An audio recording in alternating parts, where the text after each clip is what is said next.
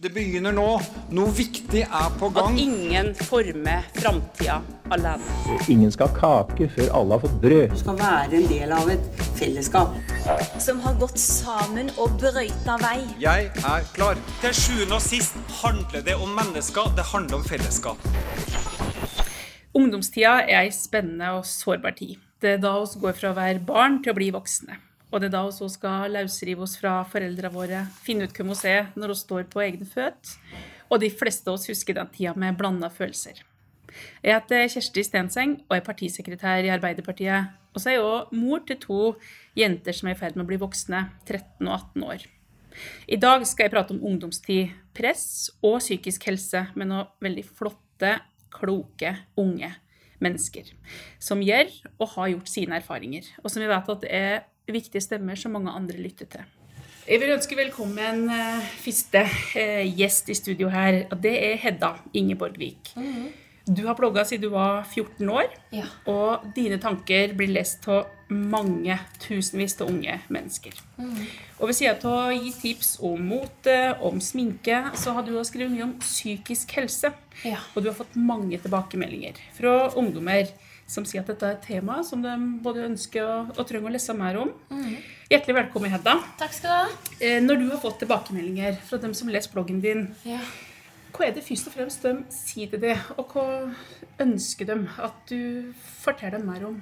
Mm, jeg får mange tilbakemeldinger på at de setter pris på at jeg er åpen, og at jeg gir av meg sjøl og forteller på en litt sånn enkel og grei måte hvordan jeg har dem, sånn, sånn at folk skal kunne kjenne seg igjen. Og og de forstår hva jeg mener. Og så kanskje at, ja, De setter veldig pris på at jeg setter ord på følelsene deres, da, som de ikke klarer å få ned i ord sjøl. Så jeg får en del tilbakemeldinger på at de ønsker ja, mer av det. Mer av at jeg er åpen om mine problemer og om de vanskelige dagene, ikke bare om de fine dagene. Mm. Mm. Får du tilbakemeldinger at det er ungdommer som altså, ikke har noen som lytter, og ikke tør å åpne seg til noen andre? At det er vanskelig å finne de samtalepartnerne de kanskje trenger? Ja, jeg har uh, fått en del e-poster fra lesere som uh, gjerne vil komme i kontakt med meg og få råd og ja, hjelp Da. Bruker meg som et slags, uh, slags og klok. jeg Vet. Og det, jeg ser jo på det som en stor tillitserklæring. og jeg er veldig glad for at jeg kan være en sånn person som noen føler at de kan komme til og snakke med, hvis det er ekkelt å snakke med mamma, pappa eller venninne eller hva det skal være. Mm. Leif Erik, jeg har lyst til å ta inn det samtalen. Du er 19 år, jeg kommer fra Fredrikstad. Og ja. når du var 15 år, så kom du ut som homofil. Ja. Og du har også slitt med spiseforstyrrelser og vært åpen om det. Og mm. du har også sagt at du følte at du aldri passa helt inn på skolen. Eh, det var mye stress og det var mye press som gjorde at du sjøl ble sjuk. Også det å være åpen om så vanskelige ting, tror du at det er vanskeligere for gutter enn for jenter?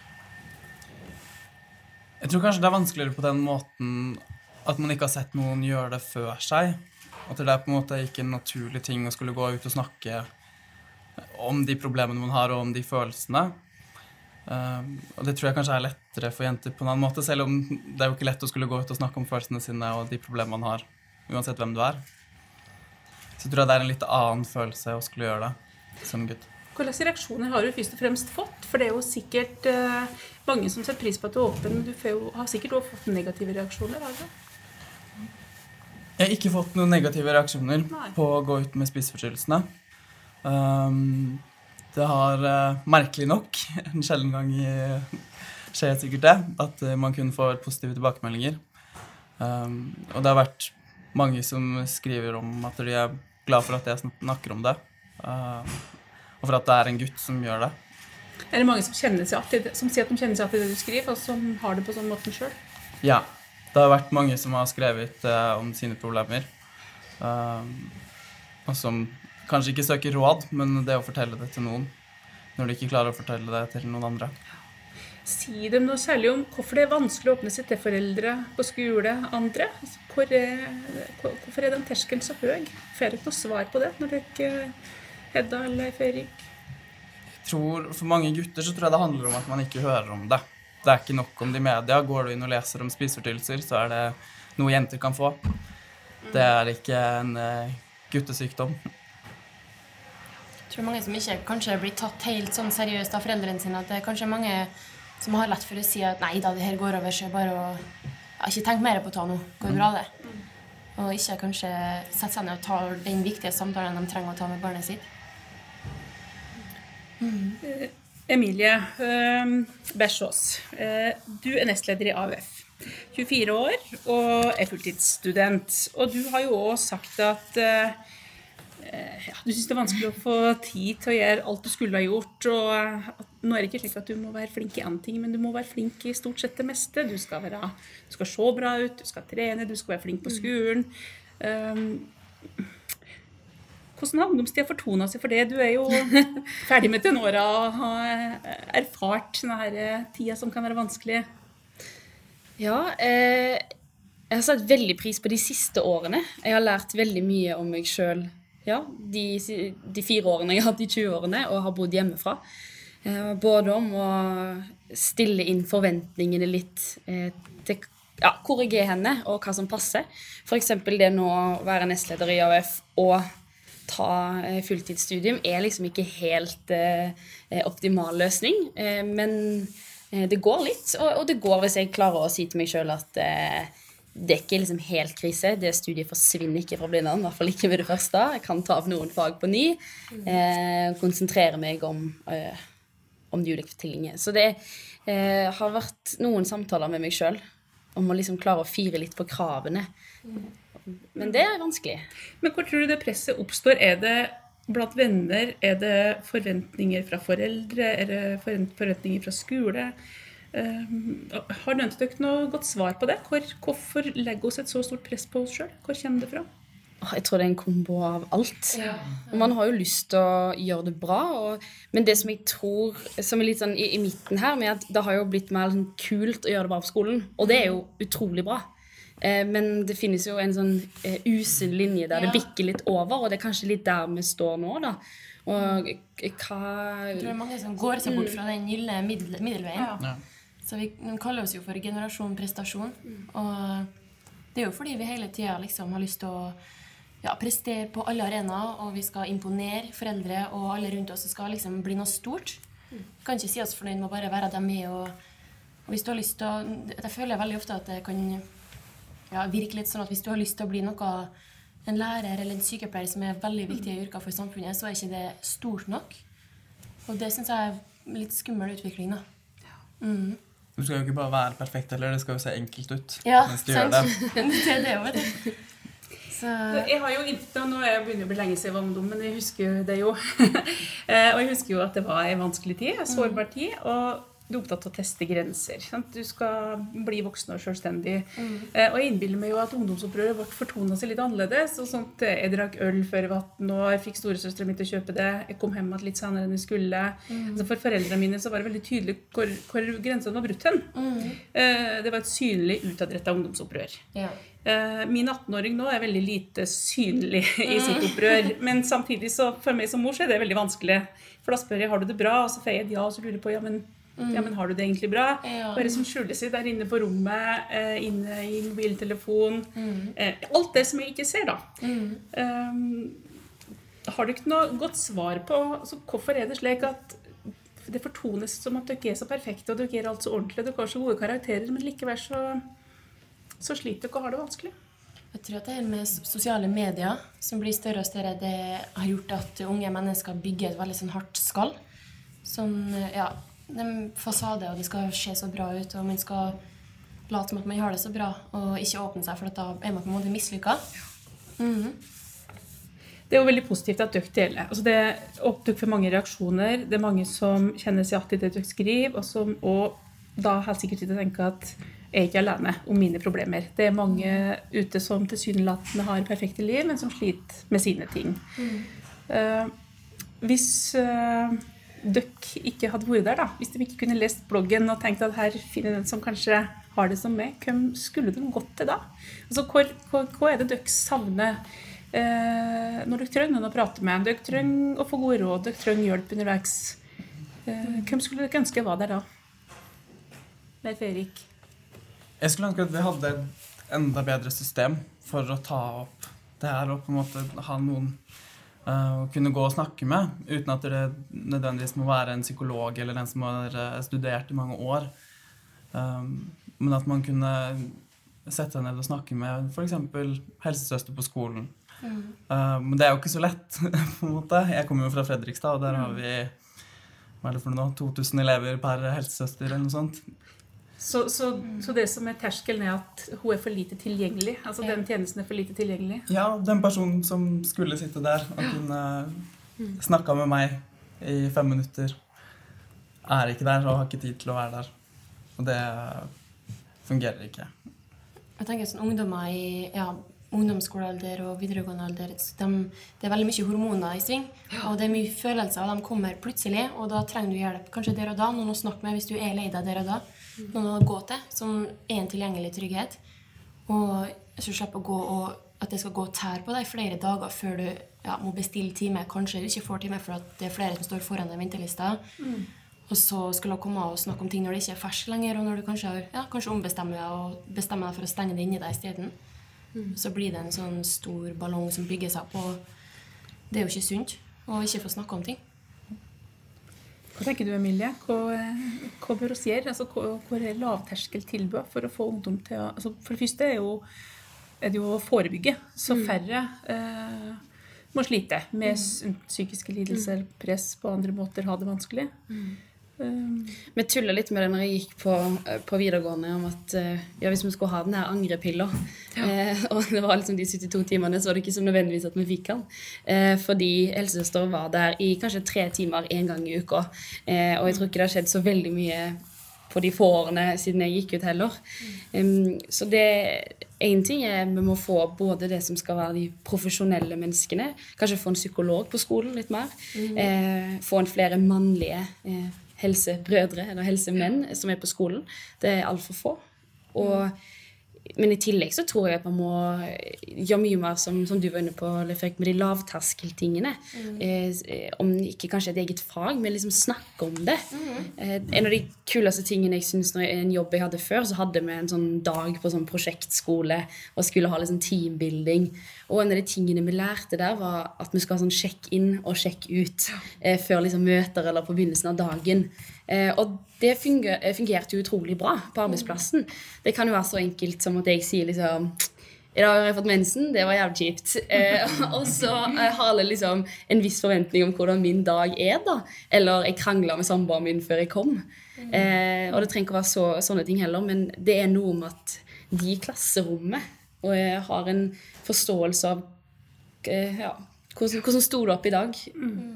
Hva forventer du av Men merker du ikke at dere er med å bryte ned noe altså, barri- For det er jo noe med at i en ungdomstid så er det jo normalt å ha det vanskelig. Altså Hun skal utforske noen grenser, hun skal eh, gjøre ting hun ikke har gjort før. Eh, så skal jo heller ikke diagnostisere det som er en del av en normal utvikling. Nei, sant. Eh, men føler dere gjennom bloggen deres og de tilbakemeldinger dere har fått, at dere er med å normalisere ting? Altså, det, at det er ikke så farlig å prate om å ha det kjipt, og det er ikke så farlig å føle seg mislykka. Det er liksom en, en naturlig del av det å bli voksen. Da. Ja, det føler jeg i hvert fall jeg. Jo, håper man er det. Ja. At, eh, at dere er med å normalisere, og at det å ha det vanskelig er en del av Men jeg skulle ønske at det også var en større del av skolen. At man på en måte, noen må jo ta det ansvaret. Og jeg syns det er litt farlig å legge det kun på foreldre, f.eks. Eller på bloggere som gjør det på fritid. Um, eller Ja, at det hadde jobb, kommet da. som et fag i skolen, Ja, man hadde hatt man mer eh, Det er et samfunnsansvar. Ja, Det- mm. At det rett og slett handler om ja, livsmestring. For det er så mange ting som man Som kanskje ikke foreldre lærer deg, eller som man ikke lærer gjennom barndommen, som man plutselig skal vite da, når du er ferdig med videregående eller ungdomsskolen. Bare det å kunne drive egen økonomi, det er jo ikke noe man lærer noe sted. Hvem er det som skal lære deg det? Det har vi snakket om, og Ja. det burde komme. sant? Ja. Men tenker du det, Leif Erik, allerede nå i alder av 19 år, at eh, hvis noen bare hadde lært med det på skolen, hvis noen hadde pratet om det, så kanskje hadde unngått en del av det som hadde vært vanskelig? Jeg tror kanskje det. Hvis man hadde visst faresignalene, og visst på en måte ok, hva er det jeg må gjøre for at hverdagen min ikke skal bli så kjip. Eller kanskje det at hverdagen er kjip, kanskje det er helt vanlig. Kanskje jeg bare skal få lov til å kjenne på de følelsene. Men hvem er det som forteller deg det? Du er jo heldig hvis du har foreldre som forteller deg de tinga. Jeg er heldig som har foreldre som har lært meg egen økonomi, og selv da får jeg det ikke til liksom, man, fatt, man er fattig student. Det, Det er ikke alle som har den tryggheten og den hjelpa foreldrene sine igjen. som trenger en sånn person ja, på skolen f.eks., eller i samfunnet som de kan kontakte, uten at det er milevis med ventekø og henvisninger hit og dit og signaturer fra foreldre, og at det skal være litt sånn tilgjengelig og enkelt å gå dit. Mhm. Dere har jo eh, altså Det at dere blogger, det at dere har så mange lesere, gjør jo at dere har mye makt. Fordi det er mange som eh, ja, både kan identifisere seg med det dere skriver, og mange som tar det som gode råd. Eh, mange som eh, åpner seg til døkk eh, når de ikke har noen andre å åpne seg til. Du Leif Erik, du har jo over med i, eller du er med i Press. Ja. I Redd Barna sin ungdomsorganisasjon. Ja. Ja. Eh, og dere deler hvert år ut en pris som heter Gullbarbien. Eh, og det har jeg skjønt skal være en motvekt til alle meningsløse. kan ikke du si litt om hva det er for noe? jo, det er jo en pris som vi starta opp for å vise at uh, reklame- og mediebransjen gjør noe feil. Eh, og da gir vi den ut hvert år for å si ifra at det er ikke ungdom enig i, og sånn skal det ikke være. Så da fokuserer vi på at reklamene enten retusjerer, eh, eller at de uh, fokuserer spesielt på gamle kjønnsroller, utdaterte. Um, eller rett og slett et perfekt skjønnhetsideal som ikke eksisterer noe annet enn sted enn i reklamen. Så det er de verste eksemplene som får prisen? Ja, det er jo ofte det. Jeg så Dagbladet var nominert nå til sånn versting. Ja, Dagbladet vant, Vant i fjor. I, for eh, fjoråret. Ja. Eh, Ja, og så prata ganske mye om det å være åpen. Det å være ei stemme som andre kan lytte til. Eh, og dere har jo veldig mange som lytter til dere. Men det er jo mange ungdommer òg som vegrer seg mot å si meninga si på nett, delta i debatter, fordi det er mye hets og hat og sjikane tilbake.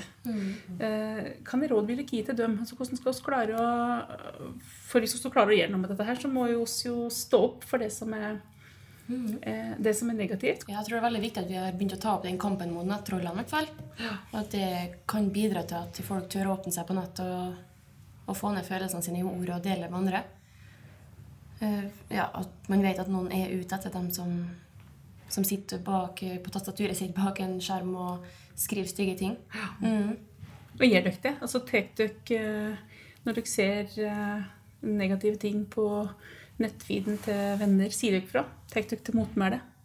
Er dere flinke til det, Emilie? Som du ser jo det, og som ungdomspolitiker så er det jo ganske mange eh, negative tilbakemeldinger på eh, politiske utspill. Mm, det er det. Um, både konkrete på selvfølgelig eh, politisk uenighet, men òg mange tilbakemeldinger som er rent på person. Eh, eller liksom opptreden. Eh, og det, det Ofte så sitter jo det igjen sterkere enn alle de positive. Mm. det er jo det man biter seg ofte mest merke i. Dessverre. Em, men, eh, og jeg har tatt noen sånne samtaler med meg sjøl om hvor mye liksom, det ansvaret man hele tiden må være for å være liksom, vaktbikkja. Ja. Uh, og det er lett å gå seg liksom vill i den derre Men jeg kan jo ikke liksom si fra hver gang. Eller jeg kan ikke liksom men eh, jeg tror jo Man må liksom tenke litt sånn, da. Eh, fordi noen er nødt til å liksom være i vaktbikkjene og liksom starte litt dugnaden for at folk skal gjøre det. Så man må eh, si fra og tørre å være litt ærlig. Ja, så når du som ung, uredd politiker, eh, Emilie, sier det du mener på din Facebook-profil, eh, så har du helt sikkert opplevd å få hets tilbake. Hvordan takler du da? Svarer du?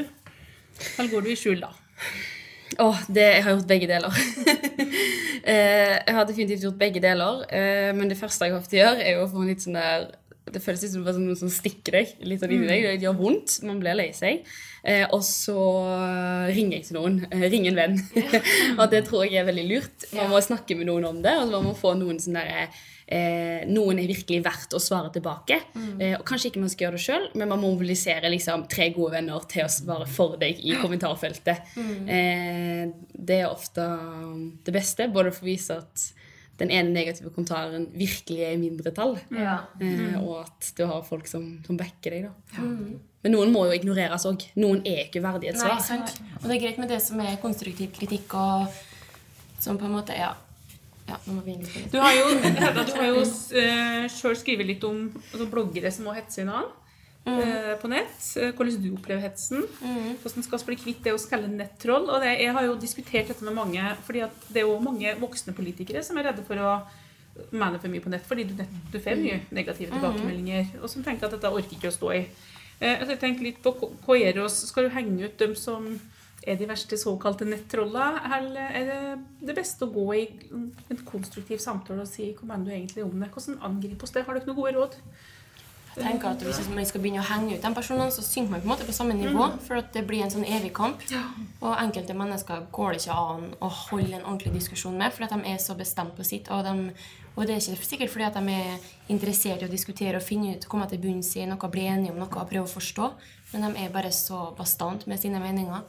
At det, men det ser man veldig fort i kommentarene, da. Om det er noe man skal orke å svare på. Mm. Ellers så er det bare å ignorere det, tenker jeg. og konsentrere seg om dem som kommer med positive tilbakemeldinger.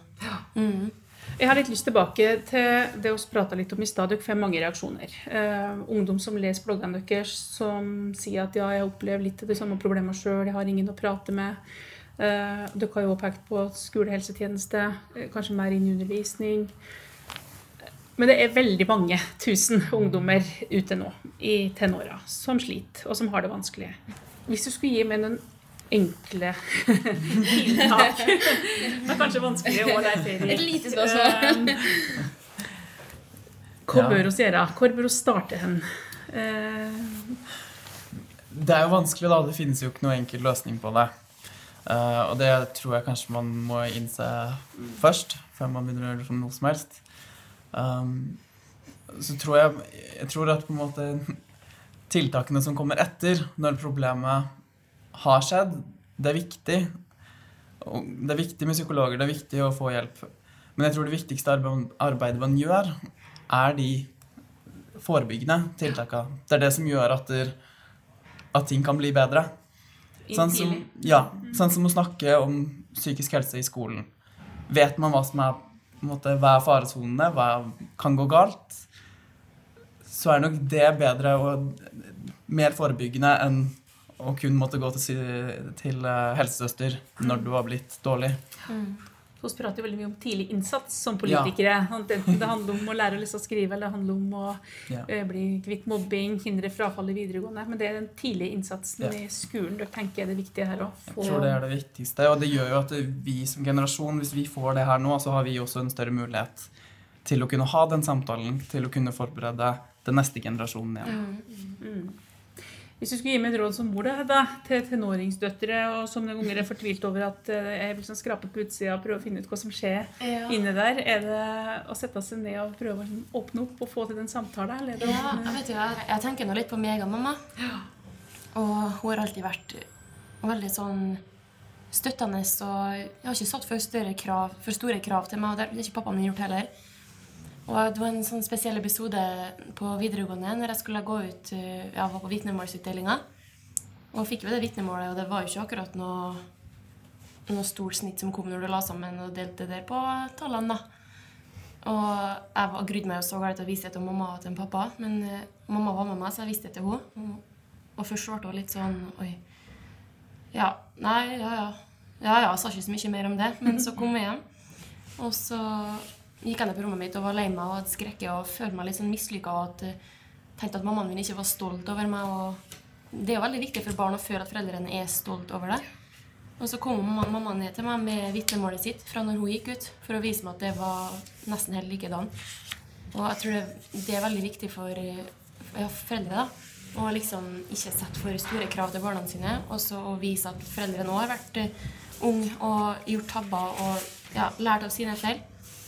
Og at det er greit. Mm. Du har jo blogga en del om det med yrkesvalg. Det å ta valg som du sjøl har lyst til. Stole på at det er godt nok. Eh, og så vet at i åra som kommer, så trenger vi oss veldig mange som skal gå yrkesfag. Vi trenger helsefagarbeidere. Vi trenger folk som eh, skal være med og, og bygge landet videre, og som ikke nødvendigvis alle skal gå fem-seks år på en masterutdanning. Og Mm. ja, alle skal ikke bli eh, toppsjefer i Nei, store sant. bedrifter. Um, er det oss sjøl, altså ungdom sjøl, som, som setter seg for høye mål? Er, det- det er jo en kombinasjon. Samfunnet rundt, eh, hver enkelt. eh, Hvordan får oss eh, ungdommer til å si til seg sjøl at det er jammen godt nok det jeg gjør? Jeg lever et godt liv med de måla jeg har satt meg sjøl. Jeg tror ikke ungdom selv sitter og finner ut at ja, jeg skal gå fem, seks, syv, åtte år på et universitet. Det tror jeg ikke man sitter og setter seg mål for uten at det er noen andre som har påvirka det målet. Um, så jeg tror det må på en måte en annen tankegang inn i samfunnet som sier at det er faktisk like greit, kanskje bedre, å gjøre andre ting. Samfunnet går på en måte ikke videre uten at noen jobber i butikk, og at noen jobber andre steder enn å sitte oppe på Blindern og diskutere livet. Nei. Alle kan ikke bli akademikere.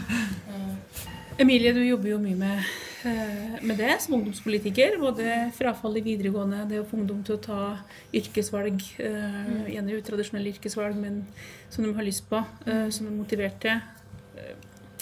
Hva tenker du er de viktigste tiltakene vi kan gjøre for å hvert fall løse det som er en stor utfordring? At mange detter ut av skolen og ikke kommer inn i arbeidslivet.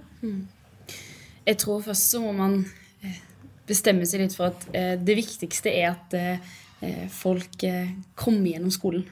Eh, for noen så kan man ha et langt mål der framme om at man skal bli jurist, så man skal gå på jussen eh, i Oslo eller i Bergen.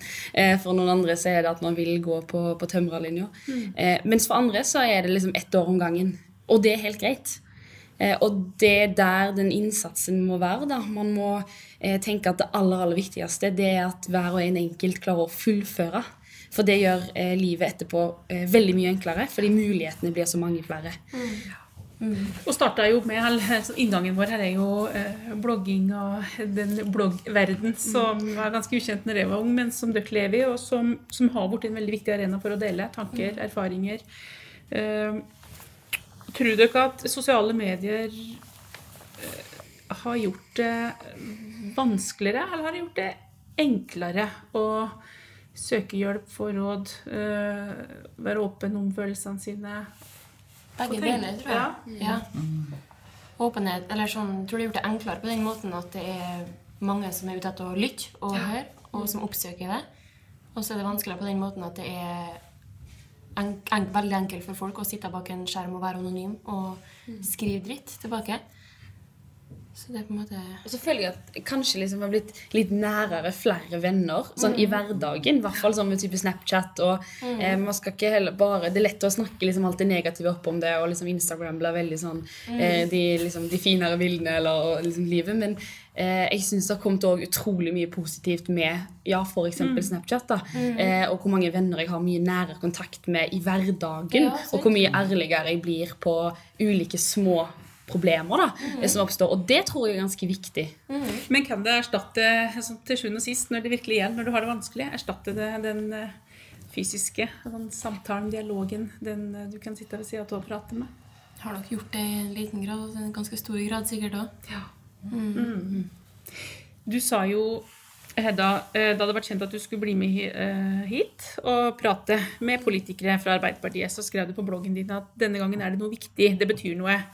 En mulighet til å bruke min stemme og gjøre en forskjell for Ja. unge mennesker i landet mitt. Eh, Og hvis du hadde vært eh, politiker nå i dag, Ja. eh, og nå skulle du bestemt, mm. hva er det viktigste tiltaket? Få det inn i skolen, tenker jeg. Ja. Så tidlig som mulig. Gjerne barneskolen. Siste årene i barneskolen. Da begynner man å komme i den der tenåringsalderen. Og ja, altså mobbing starter jo gjerne helt nede i førsteklassen nå, det altså. Men eh, også, ja, få det inn i de små skallene at det er så viktig å kunne være åpen og vite at eh, man kan ha det tøft uten at det er en diagnose på det.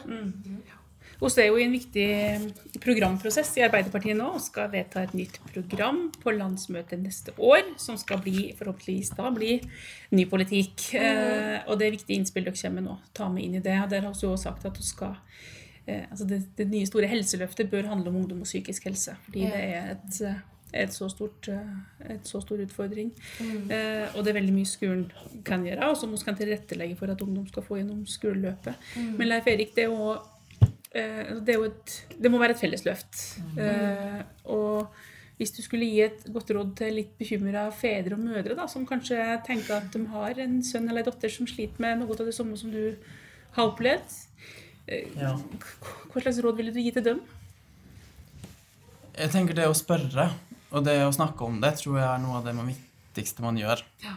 for jeg tror, jeg kjenner i alle fall for meg selv, hvis noen hadde rett og slett spurt rett ut, så tror jeg det hadde vært vanskeligere å gått rundt og holdt på det.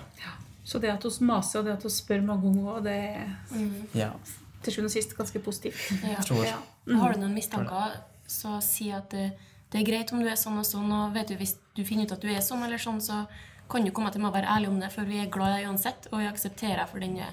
Det er viktig at ungene vet det. Så kan de ja, bli ja, tøffe seg opp til å komme og fortelle om problemene sine når de vet det. Mm. Emilie, det neste store løfta for ungdom skal vi gjøre i hop i Arbeiderpartiet og i AUF. Hva tenker du er det viktigste vi skal ta fatt på? Jeg tror eh, du var inne på noe eh, veldig lurt som skal være vårt fokus, og det er ungdom og, og psykisk helse. Mm. Og særlig eh, det og hvordan skal vi legge opp liksom, skolehverdagen. Eh, både med disse hva skal vi snakke om i, i timen fra en psykisk helse. Eh, jeg vet ikke om jeg liksom tror på et fag, men jeg tror på det å ha det litt i alle fag. Eh, rådgivningstjenesten, eh, helsesøster, helsebror.